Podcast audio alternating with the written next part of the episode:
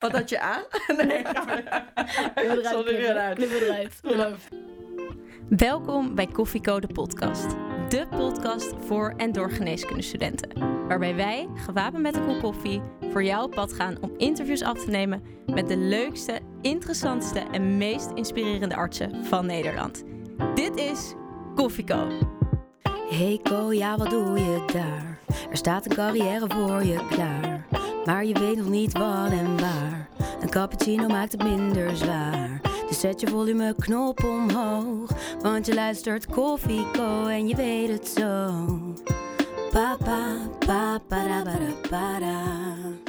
Leuk dat jij weer luistert naar Koffieko, de podcast. Wij zijn Doris. Tessa. En Tiara. Met vandaag weer een nieuwe aflevering.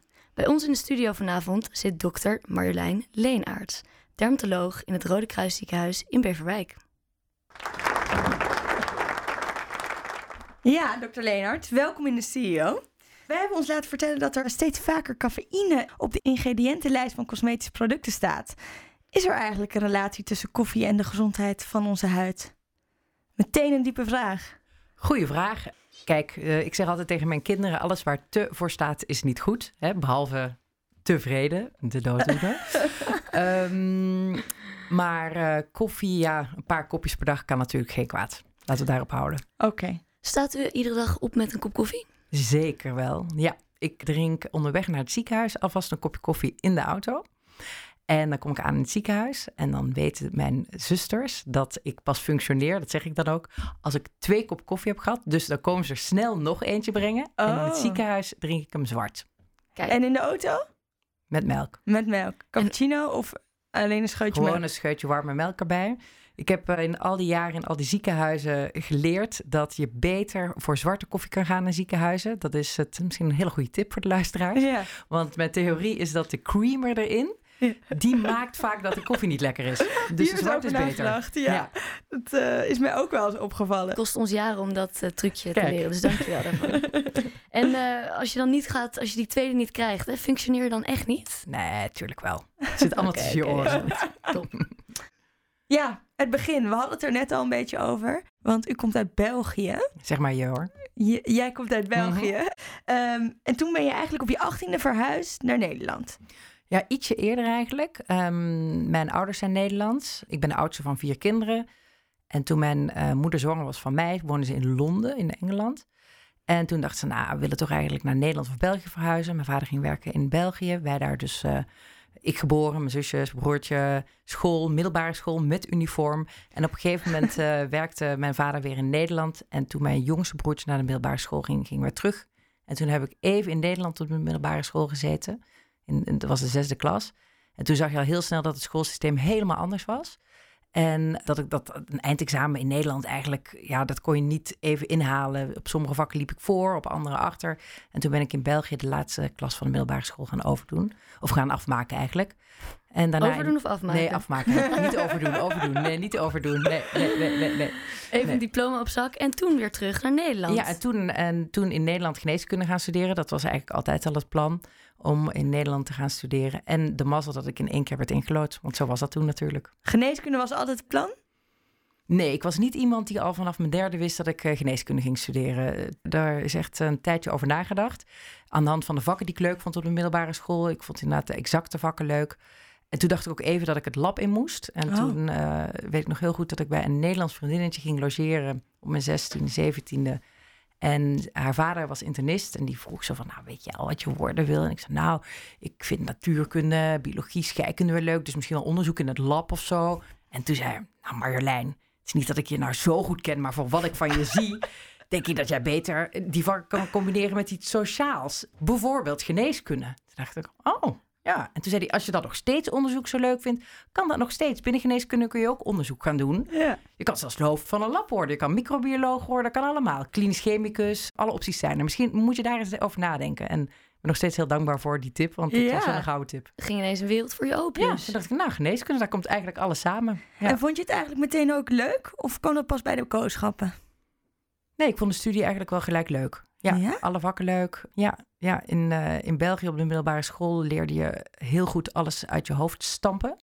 En dat is echt de Belgische middelbare school. En dus voor een studie als geneeskunde was dat eh, toch wel heel praktisch. Perfect. Want anatomie en zo, dat eh, was toch gewoon zitten en, eh, studeren. ja, ja. ja. Ben je ook echt een stamper of ben je meer een praktisch? Nee, ik denk dat ik, wel, dat ik daar wel goed in ben. Ja. En vind ik ook om meteen het bruggetje naar dermatologie te maken. Dat is ook iets wat voor dermatologie heel goed is. Want daar heb je natuurlijk heel veel huidziektes met eh, uitgebreide DD's. En dat is handig als je nog een keer denkt... oh ja, dat heb ik daar een keer gezien. Of ja, Je bent me een beetje voor, want dat was Hm. wel mijn bruggetje die Oh, ik wilde sorry. maken.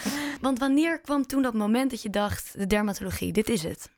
Ja, dat kwam tijdens het kooschap dermatologie. Ik vond dermatologie tijdens de studie wel gewoon heel stom. Ik weet nog zo'n zo'n boek met allemaal vieze plaatjes. Ik, vond, ik dacht echt, wie vindt dat nou leuk?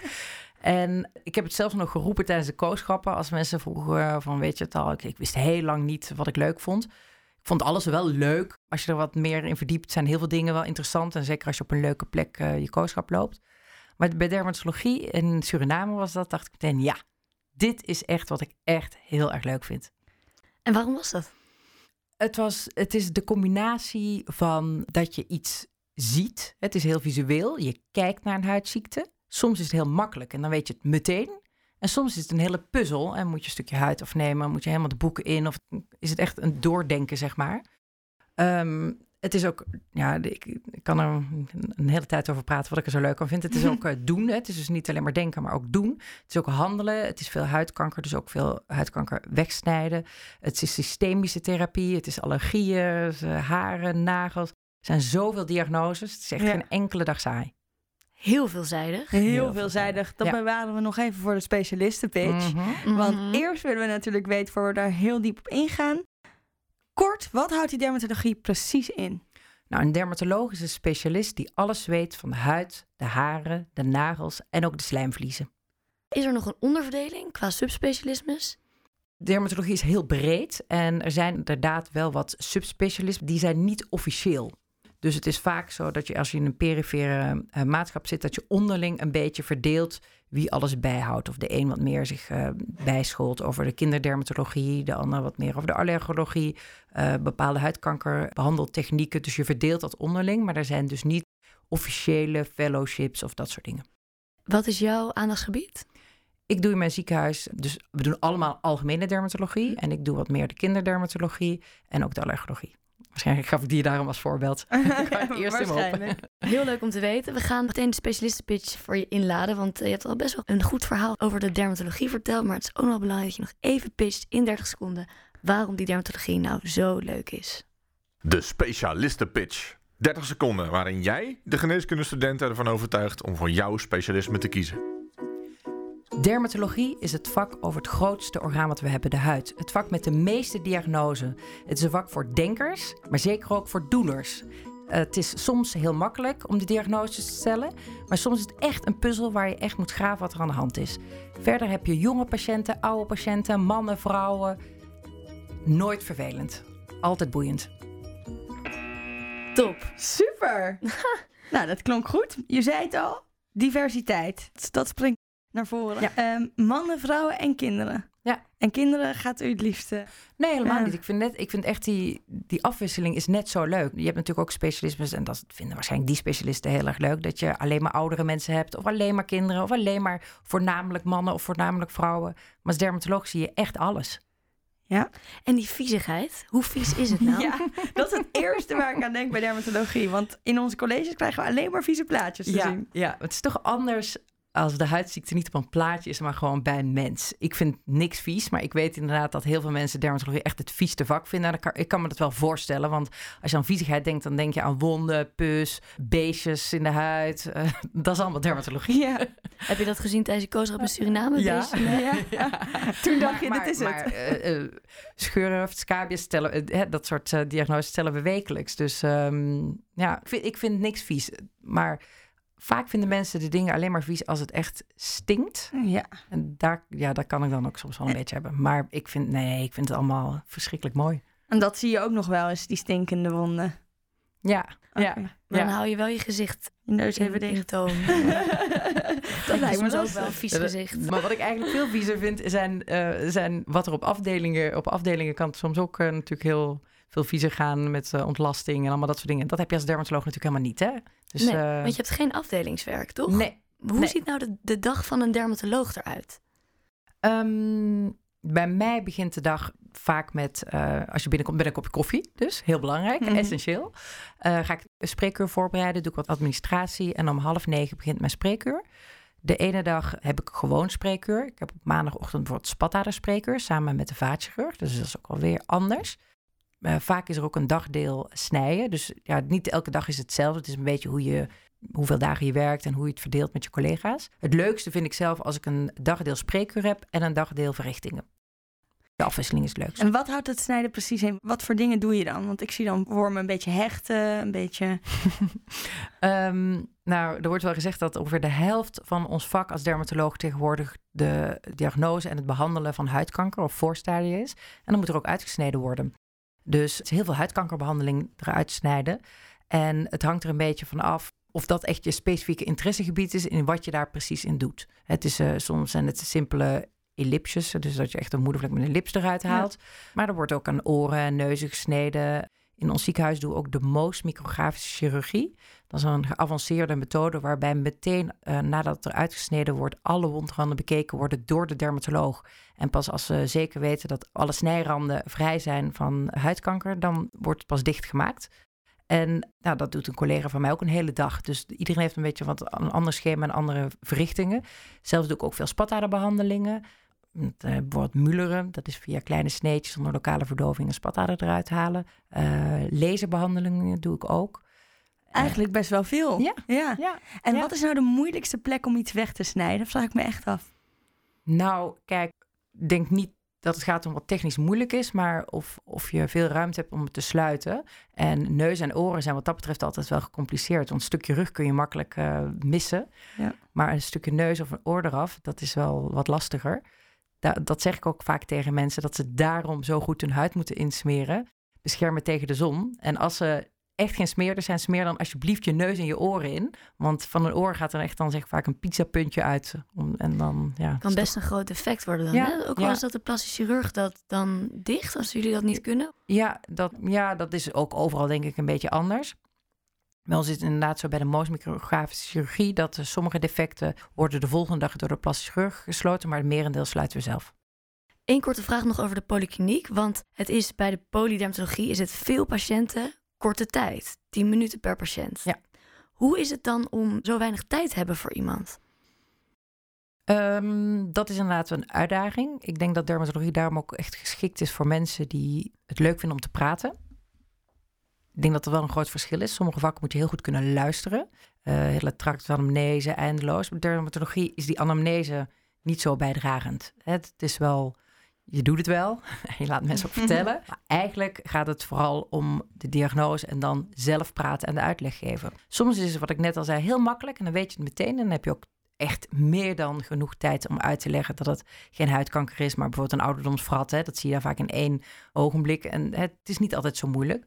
En soms duurt het langer, maar dat is niet per se altijd medisch inhoudelijk waarom je langer tijd eh, nodig hebt dan 10 minuten. Want 10 minuten is best lang hoor. Ik had laatst bij mijn oudste kind op school, middelbare school, een zeven minuten gesprek met de leraar ingepland. Toen dacht ik, oh, zeven minuten gesprek. Dan Nou, dan is maar 10 minuten nog Nog best wel ruim eigenlijk. Ja. Maar mensen hebben natuurlijk wel vaak ook veel te vertellen over waarom ze Ja. opeens on- onder het eczeem zitten of psoriasis. Want dat maakt dermatologie ook wel heel bijzonder. Het is je huid. Ja, want Pre- eigenlijk is het dus voornamelijk het zien. Ehm, je hoort ook wel eens dat het zo is dat de patiënten komen naar het ziekenhuis en die moeten zich uitkleden, wachten in de, in de spreekkamer en dan komt de arts langs Ja. gehopt. Ja, dat is een keuze. Dat doen wij niet. Oké. Nee, wij, hebben, wij vinden het in ons ziekenhuis heel belangrijk dat we toch het gevoel hebben dat we tijd hebben. En dat is allemaal heel relatief natuurlijk. Maar nogmaals, in 10 minuten kan je echt wel veel vertellen en doen hoor. Maar we laten mensen eigenlijk nooit al uitkleden wat heel efficiënt zou zijn. Maar dat, nee, dat doen we niet. En stel je spreker loopt uit. Vroeger, me- ja, vroeger werd ik daar heel onrustig van. En ja, ik ging echt met eh, rode wangen, met mijn hakjes trippel, trippel, van de ene kant naar de andere kant. Doe ik nu helemaal niet meer. Werkt echt veel beter. Sterker nog, als ik uitloop vanaf 20 minuten zeg ik sorry, ga ik me ver excuseren. En dan ga ik echt nog meer achterover hangen. En zeggen, maar nu heb ik alle tijd voor u. Want dat is wat mensen erg vinden. Mensen vinden het niet erg als je uitloopt. Mensen vinden het erg Als, je, als zij vervolgens het gevoel hebben dat je geen tijd meer hebt op hen en dat je gaat beknibbelen op hun tijd. Nou, mooie tip vind ik dat nu al. Ja. En ehm, we hadden het net even over kort patiëntcontact, maar zit er ook nog een chronische component in? Zeker, zeker. Want eh, je ziet heel veel mensen vaak terug. Dat is het ook, het diverse. Sommige mensen één keer, twee keer klaar. Maar eh, heel veel huidziekten zijn jammer genoeg wel chronisch. Eczeem, psoriasis, nou, dat zijn de meest bekende, maar zo zijn er nog heel veel. Die kun je niet even wegtoveren met een pilletje of een zalfje. En ga je echt een langdurig behandeltraject in. Wat ik ook altijd wel bijzonder vind aan het vak, als mensen opeens een uitbraak hebben van zoals eh, eczeem of psoriasis, dan is altijd wel mijn tweede vraag van wat is er nou aan de hand? Hè? Waarom gaat het nou niet goed? En dan is er eigenlijk altijd wat aan de hand. Mensen zitten dan echt letterlijk en figuurlijk niet lekker in hun vel. Werk, stress thuis, eh, ziekte van, van een geliefde. Er is altijd wel wat aan de hand. En daar neem je dan ook de tijd voor. En dat maakt het vak ook wel heel boeiend. Hè? De mens achter die huidziekte. En ook hoe je met een huidziekte omgaat. Voor de een is psoriasis helemaal niet zo erg. Denkt van nou, ik ben, eh, ben getrouwd. Eh, ik heb twee plekjes op mijn knieën. Maakt mij het uit. En voor de ander durft niet daarmee te gaan zwemmen met een kind in het zwembad. En heeft het zo'n impact op het leven. En dat moet je allemaal ja, gaandeweg bespreken met een patiënt. Eigenlijk is er best wel een groot psychologisch aspect aan eh, jouw vakgebied. Ja, ja, best wel. Nou ja, ik zou niet willen zeggen dat je een halve psycholoog bent. Dat is zeker niet zo. Nee. Maar ehm, het een van de mooie dingen is wel dat je het ook daarover hebt met mensen. Ja. Welke impact een huidziekte op iemand heeft, op de kwaliteit van leven, wat zo mooi gezegd wordt tegenwoordig. Waar krijg je nou het meeste energie van in jouw werk? Of van heel veel dingen. Ik kan energie krijgen als ik eh, een leuk gesprek heb met een patiënt. Daar kan ik al energie van krijgen. En ik ben echt mezelf tijdens het spreken. Dat heb ik tijdens mijn opleiding eh, van mijn opleider. Die zei het altijd. Je, moet, ja, je kan wel een verbeterde versie van jezelf zijn. Mhm. Maar probeer wel echt gewoon jezelf te zijn. Want je kan niet je leven lang je opeens heel anders voordoen dan je bent. Dus het is gewoon hartstikke gezellig tijdens het spreekuur. Tenminste, vind ik. en ehm, ik krijg energie van een interessante diagnose. Een leuke grap met een patiënt. Als het spreekuur goed loopt. En, eh, ieder, je hebt het gevoel dat je echt eh, mensen helpt. Misschien is dat wel waar je het meeste energie van krijgt. Wat is het meest interessante ziektebeeld wat je ooit bent tegengekomen in de spreekkamer? Nee, dat, dat, heel veel dingen. Want dat is het leuke, vind ik. Als dermatoloog kun je op verschillende plekken werken. Dat is denk ik ook wel belangrijk om te zeggen. Je kan academisch werken, je kan perifeer werken, in een perifere ziekenhuis, zoals waar ik werk. Je kan ook in een zelfstandig behandelcentrum werken. Steeds meer dermatologen gaan ook uit een ziekenhuis. En wat ik heel leuk vind in het ziekenhuis, in een perifeer ziekenhuis, is dat je gewoon heel veel algemene dermatologie ziet. Maar die hele bijzondere dingen, die komen ook eerst bij jou. Ja. Ja, niet Ja. de hele dag door, zoals misschien in de academie, dat je echt alleen maar de witte raven ziet. Maar je ziet ze wel. Ja. Ja, dus dat, eh, en dat zijn er, dat zijn er heel veel. Dat is niet één voorbeeld. Er zijn zoveel huidziektes in dermatologie. Er is zoveel meer dan alleen eczeem, wat iedereen altijd denkt. En je Ja. ziet ook heel veel hetzelfde. Gaat het dan niet vervelen? Ik zie helemaal niet heel vaak hetzelfde. Nee, dat, nee, dat nee, is een nee. misvatting. Is, is Ja. er een misvatting over de dermatologie? Ehm, ik denk dat veel mensen denken dat het alleen maar eczeem is en zalfjes. Dat dat het eerste is van vies, eczeem en zalfjes. En natuurlijk we zien mensen met eczeem. Dat klopt. Maar je hebt sowieso al heel veel soorten eczeem. Maar dat is echt niet wat je de hele dag doet. Absoluut niet. Nee. Nee, en ik denk, je stipt het net ook al aan, huidkanker, Ja. de rol van huidkanker en het bewustzijn rondom huidkanker en zonbescherming speelt een steeds grotere rol in onze samenleving. Denk je dat dat uiteindelijk ook het grootste deel eh, gaat zijn op wat je gaat zien op de poli later, over tien jaar? Ik denk dat dat alleen maar gaat toenemen. Dermatologen hebben het over de tsunami aan huidkanker. En het is echt een uitdaging om met elkaar te gaan bedenken hoe we dat gaan oplossen. Want het kan niet dat dermatologen dat allemaal gaan doen. Daar zijn te weinig dermatologen voor. Er is geen capaciteit voor. Dus er wordt ook heel druk over nagedacht hoe we dat moeten gaan vormgeven met z'n allen. Met huisartsen, beter scholen of physician assistants. Of, maar er, er moet iets gebeuren. Ja. Er is toch steeds meer aandacht voor het feit dat door zoveel zonneschade huidkanker kan krijgen. Zie je dan niet dat mensen zich veel bewuster insmeren tegenwoordig? Laten we het hopen dat dat zo is. Maar dat heeft een hele lange vertraging. Je ziet in Australië, waar al tientallen jaren echt heel veel eh, aandacht wordt gegeven aan huidkanker, zie je pas nu dat het zich stabiliseert. En dus niet afneemt, hè, maar stabiliseert. En in Nederland is er pas net een beetje aandacht voor. Natuurlijk is het ook niet helemaal te vergelijken in Nederland en Australië. Maar de komende tientallen jaren zijn er nog druk mee, denk ik. En helpt de luisteraar voor eens en voor altijd even aan een goed smeeradvies. Hoe smeer je je nou het beste in tegen de zon? Als u zelf naar het strand gaat, misschien is dat een betere vraag. Hoe smeert u zich dan in? Eh, met een factor minimaal 30 herhalen. En eigenlijk is de vraag al niet helemaal goed, want waar het vaak fout gaat, is niet op het strand. Oh? Nee, wat ik vaak merk is dat mensen wel de zonnebrandcrème meenemen voor een dagje strand en zwembad. Maar als ze buiten gaan fietsen of sporten, dan gaat het fout. Aha. En dat is net zo slecht. Of tenminste, dat heb- je misschien minder in de gaten. Maar dan verbrand je ook levend als je buiten aan het fietsen bent in het eerste lentezonnetje. Ja, dus luisteraars, je hoort het goed. Factor 30, herhalen. En ook als je op de fiets zit. En vergeet je oren niet. Vergeet Vergeet je. Nee, nee. Ehm, werk je als dermatoloog eigenlijk veel samen met andere specialismen? Want u werkt in een brandwondencentrum voornamelijk. Nee, ik werk gewoon in het, het Rode Kruis ziekenhuis. Het is Oh. een ziekenhuis wat bekend is door het brandwondencentrum. Dat is Ah. maar een klein gedeelte van het eh, ziekenhuis.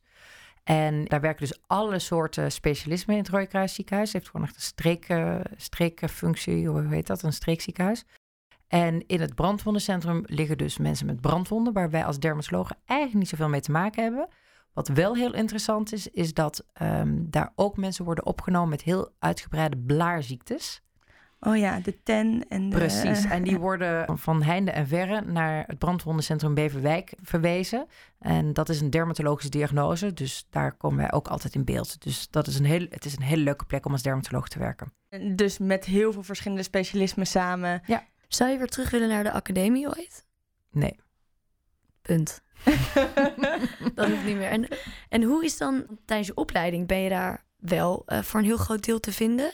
Vond je dat eh, ook een minder leuke periode tijdens je opleiding? Ik, ik was de eerste um, dermatoloog in opleiding, of de eerste generatie die 2,5 jaar periferie deed als opleiding. Vroeger was het gewoon alleen maar vijf jaar academisch. En ik was de eerste samen met twee anderen in het Flevo. Ik zat in het OVG, 2,5 jaar periferie en daarna 2,5 jaar academie. En dat vond ik echt een hele leuke combinatie. Toen ik eenmaal in de academie zat, moest ik daar echt een hele specifieke stage doen. Dus ik heb misschien ook niet echt een heel, heel goed idee ervan. Hoe vond je die opleiding? Ontzettend leuk. Ja, heel erg leuk. Zeker de periferie. Je leert ontzettend veel. In het begin is het heel frustrerend, want je weet niks. En alles is rood en schilferig. En het duurt echt wel een tijdje voordat je, voordat je een beetje zicht op begint te krijgen. Maar ik vond het een ontzettend leuke tijd. En ja, zoals eh alle clichés, je moet natuurlijk zelf je opleiding maken. Maar ja, hartstikke leuk. Heb je eigenlijk veel diensten als dermatoloog? Bestaan er diensten? Ze bestaan wel. Ja, ze bestaan wel. Wij hebben het zo geregeld dat we met twee ziekenhuizen in de omgeving met z'n allen de diensten doen. Dus er zijn een stuk of tien dermatologen. Dus dan heb je wel meteen een week dienst, maar dan maar één keer in de tien weken. En je hoeft niet s'nachts je bed uit. Maar je wordt zeker wel gebeld. Maar zeker nu in, met eh, de komst van eh, mobiele telefoontjes en zo kun je heel veel op foto's al beoordelen en een eerste beleid inzetten. Ja. En wat doe je dan op zo'n dienst? Wat voor ziektebeelden zie je dan? Nou, soms blaarziektes. Oh ja. Ja. Dat. En er zijn natuurlijk heel weinig spoedgevallen in dermatologie. Maar mensen gaan wel met de huidziekte naar de spoedeisende hulp. Want ze zien met galbulten of eh, ze zien opeens uitslag. En eh, dan denken ze, oh, wat is het? Hup, naar de eerste hulp. Maar goede eerste hulpartsen kunnen dat vaak ook al tackelen. Maar je hebt natuurlijk ook, zeker omdat we steeds meer operatieve ingrepen doen... heb je natuurlijk ook daar soms complicaties van, infecties, dat soort dingen. Ja, ja er zijn echt wel, eh, echt wel redenen waarvoor mensen naar de eerste hulp gaan met de dermatologie. Maar het is zeker heel dienstvriendelijk. Ja, nee, dat is echt een pluspunt. En mensen denken vaak dat je daarom dermatoloog bent geworden. Ehm, maar dat is niet zo. Nee. Veel mensen denken van, oh, je hebt vast het specialisme Ja. omdat je dan geen dienst hoeft te doen. Maar mijn ervaring is altijd, als je een co-assistent bent, dan ben je daar helemaal niet zo mee bezig. Dan denk je gewoon, nou, ik kies gewoon wat leuk is. En ik denk dat dat ook heel goed is. Wel zou ik als tip geven, als je nou echt twee dingen even leuk vindt, dan is het best goed om te kijken naar de belasting die het heeft voor de weekenden en de nachten. Want dat is toch vaak, ik denk dat de andere specialisten dat hier ook zeggen, dat ze hun vak leuk blijven vinden, maar de diensten worden steeds minder leuk. Speelt het voor jou niet wel inmiddels ook een rol dat je een familie hebt en dat je daardoor wel met dit vak wel relatief veel tijd bij hen kan zijn? Nou ja, goed. Daar zullen we het straks nog over hebben. Ik eh, ben naast mijn vak eh, nog druk met andere dingen. Dus, eh, dus- maar zeker, ik vind het heel fijn dat ik niet een hele zware dienstbelasting heb. Mijn man is ook eh, medisch specialist, die is uroloog. En het lijkt me heel erg puzzelen als je met z'n tweeën heel veel drukke dienst hebt. Lijkt me dan heel gepuzzel. Maar ik ben ervan overtuigd dat je er altijd samen uitkomt. En dat je gewoon moet doen wat je het allerleukste vindt. Hè? Dus eh, Dan komt het goed. ja. Ik heb nog wel een paar vragen over de opleiding. Want dat is Ja. natuurlijk wel belangrijk voor al onze luisteraars. Ja. Is het lastig binnenkomen bij de dermatologie? Dat is natuurlijk een veelgestelde vraag. Ja, nou ja, dus, uh, dat is, voor mij is het natuurlijk alweer negen jaar geleden. Ik ben nu negen, of nee, nog langer. Ik ben nu negen jaar dermatoloog. Uh, volgens mij is het hartstikke populair en logisch, want het is echt het allerleukste vak wat er is. Maar daar heb ik niet zoveel tips voor. Je moet ook bij dat soort dingen een beetje geluk hebben. lees soms dat mensen het gevoel hebben dat ze echt al ongeveer vanaf de studie geneeskunde moeten weten welke specialismen ze gaan doen. Nou, ik ben dus het voorbeeld dat dat niet hoeft. Ehm, ik wist het echt pas toen ik het kooschap dermatologie deed. Dat ik dacht, ja, dit is echt wat ik het allerleukst vind en waar alles samenkomt wat ik leuk vind. En dat was echt pas na anderhalf jaar kooschappen doen of zo. En heel veel mensen zijn er ook van overtuigd dat je moet promoveren. Dat zal misschien ook wel soms zo zijn, maar dat was bij mij dus ook niet zo. Nee. Dus daar heb ik echt geluk in gehad, denk ik. Is dat tegenwoordig niet een beetje wel aan het veranderen? Toen was dat ook wel zo dat heel veel mensen zeiden. Nou, toen was het trouwens heel oneerlijk. Toen zeiden ze altijd dat uh, was een beetje de tendens dat ze zeiden dat uh, vrouwen moesten promoveren en dat mannen daar makkelijker in kwamen. En dan moet ik deze vervolgvraag stellen. Want hoe, hoe zit dat dan nu? Maak je als man meer kans om binnen te komen bij de dermatologie? Kijk, ik zit wat dat betreft niet uh, heel dicht bij het vuur. Ik zit uh, perifeer, ik heb geen opleidingsziekenhuis, dus ik kan daar niet echt goed antwoord op geven. Nee. Maar hoe is de verhouding man-vrouw? 50-50 wel? Toevallig in mijn, uh, in mijn ziekenhuis wel. Is Ja. echt precies 50-50, maar het, zijn, het is zeker een vak wat meer vrouwen trekt. Oké. Ja. Duidelijk. De co-telefoon. Ja, de co-telefoon die gaat altijd op het moment dat het niet uitkomt. En zo nu ook weer. Dat is een vraag ingestuurd van een van onze luisteraars. En omdat we dit keer zoveel vragen hebben gekregen over de dermatologie, gaan we er twee doen. Klaar voor? Helemaal goed. Ehm, deze is ingestuurd door Maurits Lange. En zijn vraag is: wat is het geheim voor een stralende huid? Nogal ingestuurd door een jongen. Ja, nou, ehm, Dankjewel, Maurits. Er zijn eigenlijk drie dingen, denk ik, die heel belangrijk zijn voor je huid en rimpels en dat soort dingen. En één is goede genen, dus daar kun je geluk mee hebben. Twee, zonbescherming. Dus goed insmeren. Mhm. Drie, niet roken. Oké. Nou, hebben we weer drie gratis tips. Oké, gaan we door naar de tweede. Deze is ingestuurd door San. San. En die vraagt zich af: in hoeverre lijkt uw werk op dat van Dr. Pimpelpapper? En die vind ik leuk. Nou, ik heb nooit een hele aflevering gezien van wat zij doet, maar ik zie af en toe die filmpjes voorbij komen. Eh, daarbij lijkt het alsof wij als dermatologen puistjes uitknijpen de hele dag. Nee, dat is niet zo. Maar autoroomkiesters horen er wel bij. En ook is dat leuk. satisfying? Tuurlijk, hartstikke leuk. Ja, maar ik zeg, kun je wel genieten van een goede. Tuurlijk. Poppende pimpel? Ja hoor, hartstikke leuk. Ja. Ja. Want Dr. Pimpelpapper is vooral heel bekend op YouTube. ja. En nu hebben wij ook begrepen dat u ook wel eh, een beetje populair Nee. bent op YouTube. Nou, populair weet ik niet, maar ik, eh, ik eh, heb inderdaad een aantal filmpjes over dermatologie. ja. Ja. Dermatologie en de productlijn die je samen met je man, als ik het goed zeg, Ja. hebt opgezet. Ja. Wil je Ja. daar wat over vertellen? Ja, vind ik heel leuk om daar wat over te vertellen. Als dermatoloog weet ik natuurlijk heel goed wat werkt op de huid. Van oudsher is het eh, vak dermatologie ook veel meer van een snufje van dat in een zalf, snufje van dit. En daar komt het vak wel echt vandaan. Dat is in de loop der jaren heel erg veranderd. Maar je weet als dermatoloog dus wel goed welke ingrediënten werkzaam zijn bij bepaalde huidaandoeningen. En ook welke je niet moet hebben, omdat er een kans op allergieën ontstaat. En toen mijn oudste kind waterpokken kreeg, toen zei mijn man, die uroloog zei van... joh, dit is echt jouw departement. Verzin eens wat. Hartstikke zielig, de blaasjes, het jeukt. En, nou, dus ik de boeken in en ehm, met een recept naar de apotheek. Dat ging nog eh, wat makkelijker. Tenminste met drie verschillende varianten. En een daarvan die viel echt heel goed. En werd echt een doorgeef-item. Want natuurlijk waterpokken besmettelijk. Dus allemaal vriendinnen met kinderen met waterpokken. Dus dat werd echt zo helemaal doorgegeven. En ik moest echt het terugvragen toen mijn tweede het kreeg. Big En toen- business. Ja, en toen hebben mijn man en ik wel een keer een hele vakantie gefantaseerd over... we moeten daar wat mee, we moeten wat met die waterpokkenlotion. Ehm, maar toen was ik nog in opleiding en dat was toch niet echt het moment... maar er was wel echt een zaadje geplant. En ondertussen kreeg ik natuurlijk steeds meer eh, mensen die aan mij vroegen op het schoolplein... van ah, mijn kind heeft rode billen, wat werkt nou echt? Of mijn kind heeft eczeem, waar kan ik eh, mee in bad doen? Toen dacht ik, ja, ik moet hier wat mee. Ik weet echt gewoon welke producten echt werken... anders dan wat er nu in het eh, schap staat. En zo gezegd, zo gedaan. Ik kwam thuis, ik zei tegen mijn man... weet je nog van die waterpokkenlotion? En hij zei, ja, natuurlijk. Ik zei, nou, ik stik van de ideeën van dermatologische producten... die er nog niet zijn hè, voor alledaagse huidproblemen bij kinderen... waarvoor je als ouder niet naar een dermatoloog wil... of, of eh, überhaupt niet naar een arts... Ja. Uh, maar je wil wel iets wat werkt. Nou, lang vooral kort. Die zijn er nu. En het is eigenlijk een beetje uit de hand gelopen. Want ondertussen is de kinderlijn ook voor volwassenen... zonnebrand, lippenbalsem, handcrème. Nou. Wauw, maar hoe... Je had dat idee, dat zaadje was er. Je wilde het gaan doen. En hoe, Hoe is dat in gang gezet? Ja, nou, daar moeten we misschien een andere podcast aflevering over maken.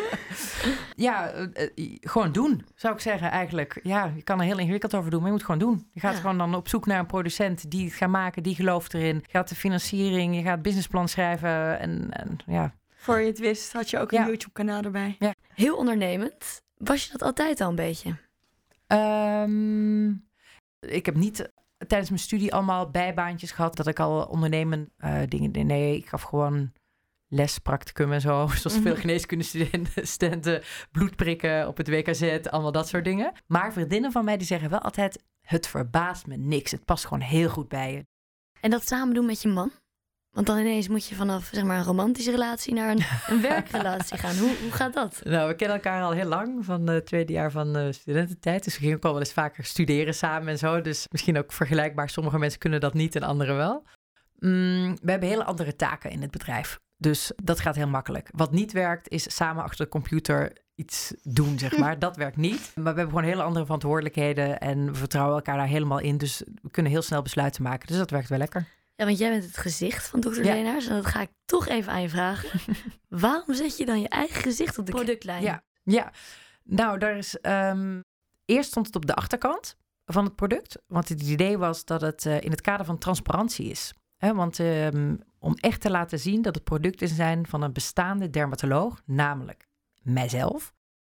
En dat het net op de achterkant van het boek, zeg maar, van wie is de auteur. Ja. Ehm, maar in het ontwerp is het toch naar de voorkant gekomen. Eh, om het verschil te maken dat het niet een marketingafdeling is die heeft bedacht van weet je wat, we vervangen dat dermatologisch getest, waarvan iedereen ondertussen weet dat het allemaal niet zoveel zegt, is een keer door hup dermatoloog.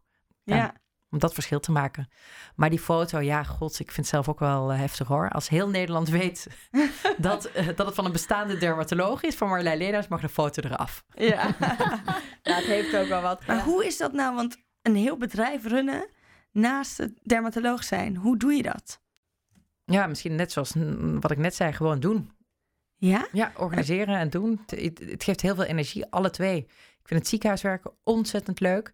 En ik vind het bedrijf ook heel erg leuk, omdat dat op een hele andere manier bezig zijn met het vak, indirect ook wel. Want daar, ik schrijf natuurlijk veel stukjes over dermatologie ook. Op de website, op Instagram, eh, dat hele social media. Je leert ook heel veel nieuwe dingen. Ik weet, ja, ik weet niet hoe dat met jullie zit, maar ik had echt geen idee wat vriendinnen deden die marketing en allemaal dat soort dingen deden. Ik had echt geen idee. En geneeskunde is natuurlijk echt een hele beperkende studie wat dat betreft. Heel gefocust, laat ik het zo zeggen. Beperkend klinkt zo negatief. Een heel gefocuste studie. En hierdoor heb ik zoveel nieuwe dingen geleerd. En eh, ja, Ja, dat is wel, her- wel herkenbaar. En hoeveel dagen in de week ben je dan arts en hoeveel dagen in de week ben je dan...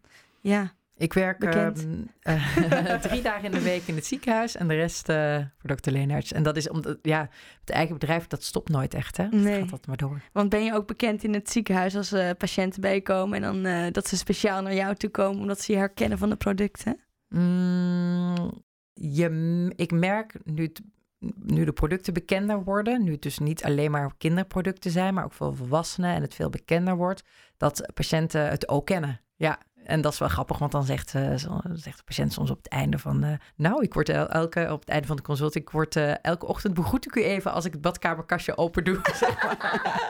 of over de zonnebrandcreme. U was met me mee op vakantie, dokter. En ja, dat is wel grappig. leuk. ja. ja, En eh smeert zelf ook? Natuurlijk. Oké. Ja. Wat is je lievelingsproduct? De bodycreme voor droge onderbenen. Fantastisch. moet hier eigenlijk even opschrijven hoor. Oké, dat was wel denk ik wel een leuke uitweiding over je productlijn. Mhm. Ik eh, wil eigenlijk nog één ding van jou weten over de opleiding. Want dat vind ik toch wel leuk om nog even te horen. Hoe ging jouw sollicitatiegesprek toen der tijd? En kan je daar misschien een leuk verhaal over vertellen? Ja. En ook uit welk hout moet je nou gesneden zijn om een, om een goede dermatoloog te worden? Mijn sollicitatiegesprek was wel leuk, want het bestond uit twee delen. Het eerste was met de opleider in het, eh, in het OVG. En dat was gewoon een ja, vrij standaard sollicitatiegesprek, zoals dat altijd gaat met je goede eigenschappen en slechte. de- de. En de tweede, deel 2, was in de kroeg. Nee. Ja. Ideaal. En het was in de kroeg met een biertje en bitterballen. Ja, Oh. ja, ja, en een andere kandidaat had precies dezelfde constructie. En ik mag altijd maar denken dat ik het dan in de kroeg gewonnen heb. Wow. Gebeurt dat tegenwoordig ook nog eh, toevallig? Ik zou het niet weten. Ik heb geen idee. Oké, nou, vond het leuk, wel een leuk leuke. verhaal. Ja. Er zijn andere eigenschappen die je daar... Maar dan ging je niet op de bar dansen of zo? Nee, om, nee, eh, nee, oké. En nog uit welk hout moet je nou gesneden zijn om goede dermatoloog te worden? Drie eigenschappen? Ik denk altijd wel dat je van praten moet houden. Dat je oplossingsgericht moet zijn. Omdat je zo snel in die tien minuten steeds tot een oplossing eh, moet komen. Eh, Ja, met veel sociale vaardigheden. Eh, en het ook leuk vindt om achter de mens te kijken. En dan misschien ook een prater, zei ik dat al? Want ik, kan- Ja. ik kan me bijna niet voorstellen dat je dermatoloog wordt en eigenlijk niet van praten houdt. Oh, mooi. Had ik nooit bedacht Nee. eigenlijk bij dermatoloog. Ik ook niet. Nee. Ik wil het nog graag hebben over een ander vies, ander, ander vies eh, onderdeel van het vakgebied. Dat zijn namelijk de geslachtsziektes. Ja. Zie je die ook veel? Nou, eigenlijk op de plek waar ik nu werk niet zoveel. Dat is ook overal een beetje anders verdeeld. Eh, maar tijdens de opleiding heel veel. Ja? Ja. Was dat wennen? Nee, dat nee, Nee? nee, nee, al genoeg gezien tijdens je kooschappen om dat niet meer... eh, Nee, nee want, want je loopt dan ook op, bij de GGD-stage. Ah. Ja, en ook een keer op de wallen geweest. De sekswerkers, zoals het dan zo mooi heet. Ja, ja, dan ga je ze ja. allemaal langs om te checken. Ja, dat, doet- dat is onder andere een taak van de GGD om dat ook eh, te monitoren en eh, te testen. En eh, Wauw. Oké. Dan gaan we het hebben over de persoon achter Marjolein Neerts. En achter de productlijn. Want wij gingen jou googlen. En daar kwam natuurlijk van alles eh, tevoorschijn. En zo ook dat je dus drie kleine kinderen hebt. En dat je op een woonboot woont. Mhm, klopt. dat klopt allemaal Ja. nog. En dat je man dus uroloog is. Nu, mijn eerste vraag was een woonboot. Was dat altijd al de droom? Nee, nee, nee, nee. We hebben alle twee in Utrecht gestudeerd en toen gingen we samenwonen in Amsterdam.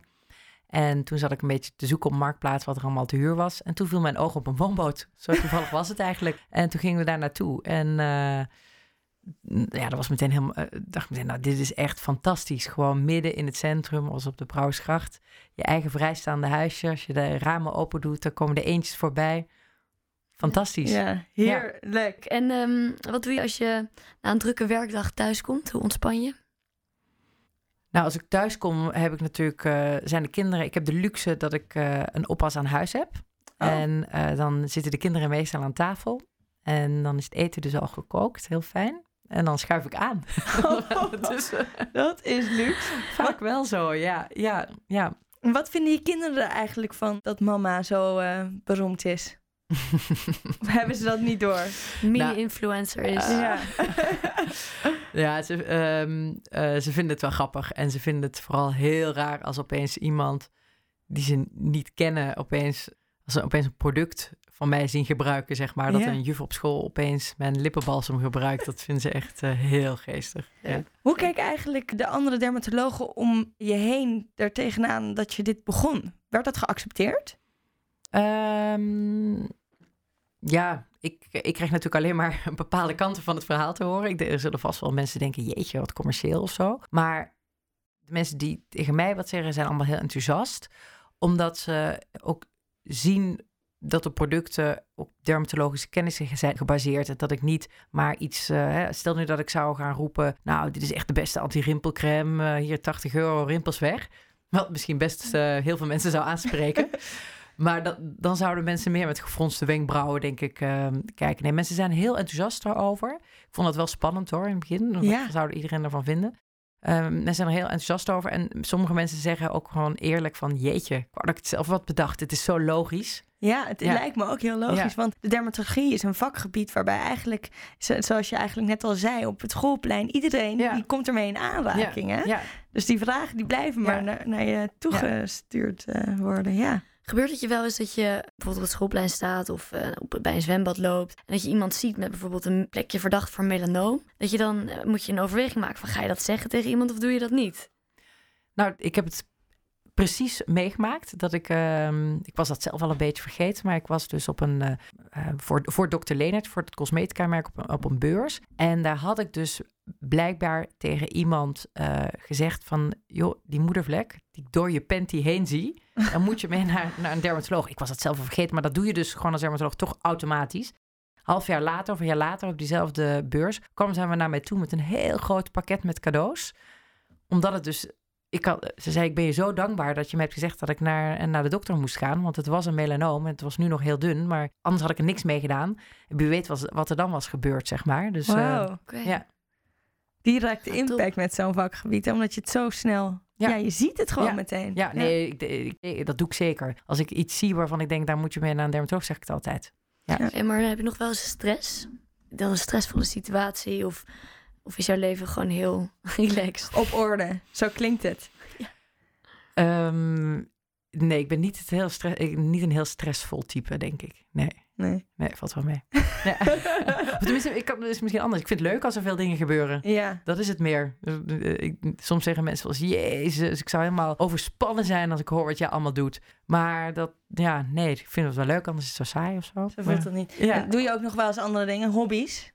Ja, sporten en eh, lezen. eh, ja, ja. Komt van alles nog wel voorbij. Oké, nee, duidelijk. Je hebt het gewoon op orde. Ja. Toch? Het is tijd voor het doktersdilemma. In het doktersdilemma geven we eigenlijk twee stellingen. En dan mag je tussen kiezen. En eigenlijk het liefst zo snel mogelijk. Daar Mhm. komt hij. Het doktersdilemma. Het leven bestaat soms uit lastige keuzes. Denk niet te lang na en geef snel antwoord. Cosmetisch of klinisch werk? Klinisch, Gepaste afstand in de spreekkamer of laagdrempelig? laagdrempelig. Opnieuw geneeskunde studeren of totaal iets anders? Opnieuw geneeskunde studeren. Curry of pizza? Pizza. Dag of nachtcrème? Dag. Modderbad of bubbelbad? Bubbelbad. Zonne op Ibiza of apres-ski in Tirol? Oeh, dat is moeilijk. dat, dat dit de moeilijkste vraag is. Ehm zonne op Ibiza. Leven in de schijnwerpers of liever op de achtergrond? Tja, kan denk ik niet anders dan het eerste zeggen. Nederland of België? Nederland. Wandelen in het bos of Netflix op de bank? Wandelen in het bos. Gerimpeld oud worden of een botox- botox-injectie? Gerimpeld oud worden. Carnavalsmuziek of swingende salsa? Swingende salsa. Dat was hem. Wow, leuk. Heel leuk. Ik ben eigenlijk meteen benieuwd, want eh volgens mij was er ook op je blog iets over dag- en nachtcrème, wat nou het verschil was. Mhm. Ehm, en je koos voor dagcrème. Ja. Vertel. Omdat ehm, sowieso is er meestal niet zoveel verschil tussen dag- en nachtcrème. En het belangrijkste is zonprotectie. Dus ik ga er dan meteen vanuit van mijn eigen dagcrème met SPF 25. En ik smeer s'nachts alleen iets als ik een droge huid heb. Je hoeft helemaal niet zoveel te smeren hoor. Nee, oké. Nee. Duidelijk. Zonne op Ibiza of apres-ski in Tirol, die was wel heel moeilijk. Het is alle twee zo leuk. Ja, allebei. allebei. Doe je dat ook allebei nog? Ja, eh, ja, ja, ja. Ik Ja. doe over twee weken ga ik naar eh Sankt Anton met een groep vriendinnen. Dus eh, ja. Oh, oké. Nou, daarom snap ik eh, waarom het zo moeilijk was. Leuk, Ja. leuk, leuk. En gerimpeld oud worden dus liever. Je zou Ja. niks eh, doen om Rimpels de zijn rimpels toch, tegen... eh, Ja, zonbescherming. Zonbescherming, zonbescherming, zonbescherming. Ja. Oké. De bottom line. Ja, en rimpeltjes zijn toch ook helemaal niet erg. Nee. Die leuke lachrimpeltjes. Ben ik helemaal met je eens. Oké, nou dan gaan we naar het einde toe. En we Ja. eindigen altijd met een laatste tip. Wat wil jij de toekomstige dokters meegeven? Dat de keuze voor het specialisme wat je kiest heel belangrijk is. Ik zat al van ik vind het een moeilijke tip, maar dat is dan nu ik zo'n uur over gepraat heb, of hoe lang is het, dan denk ik dat het toch wel heel belangrijk is dat je het goede specialisme kiest. En daarom is deze podcast denk ik heel goed. Eh, wat ik nog toen de tijd had bedacht, wat ik een goede tip vond om te weten of ik iets leuk vond, is, want ik weet niet of het voor iedereen geldt, maar je hebt natuurlijk altijd vakliteratuur bij elk specialisme. En mij viel op dat ik bij de dermatologie het vakblad meteen heel erg leuk vond. Eh, Het slingerde toen eh, daar in Suriname. Ik dacht, oh jeetje, ja, dit zie ik mezelf op zondagmiddag wel voor mijn plezier doorlezen. Want zo is het wel, hè? Dat moet je voor je plezier in je eigen tijd eh, bijhouden, dat soort dingen. En toen ging ik daarna bij een ander eh, vak dat ook weer eens even zo'n rondslingerend vakblad. Ik dacht, oh god, ik moet niet aan denken. Ik vind het wel een leuk vak, want het is hier gezellig en het zijn leuke collega's. Maar ik moet er niet aan denken dat ik over, over eh, KNO in eh, mijn vrije tijd nog wat moet doorlezen en zo. Dus dat is misschien een tip die je nooit hoort van iemand waar je nog wat mee kan. Leuke tip, die hebben we nog niet gehad. Ja, Ja. top. Dus kijk wat, wat, zeg maar, wat de literatuur Ja, is en of pak je dat, dat leuk want die vindt. slingeren altijd rond eh, waar je kooschap loopt. En het is altijd goed om daar eens even in te bladeren. En dan zie je ook wat er allemaal omgaat in zo'n vak. Heb Weer, je, weer een andere manier om ernaar te kijken. heb je nog een leuke dermatologische leestip? Eigen boek.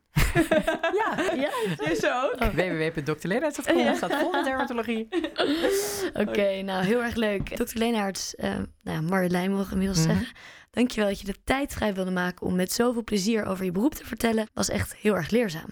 Ja, heel erg bedankt. En lieve luisteraars, jullie ook weer bedankt voor het luisteren. Volg ons op onze sociale kanalen. Heb jij een vraag, stuur hem in. En misschien ook wel leuk, laat een review achter. Dank jullie wel. Tot de volgende keer. Pa pa pa para para para.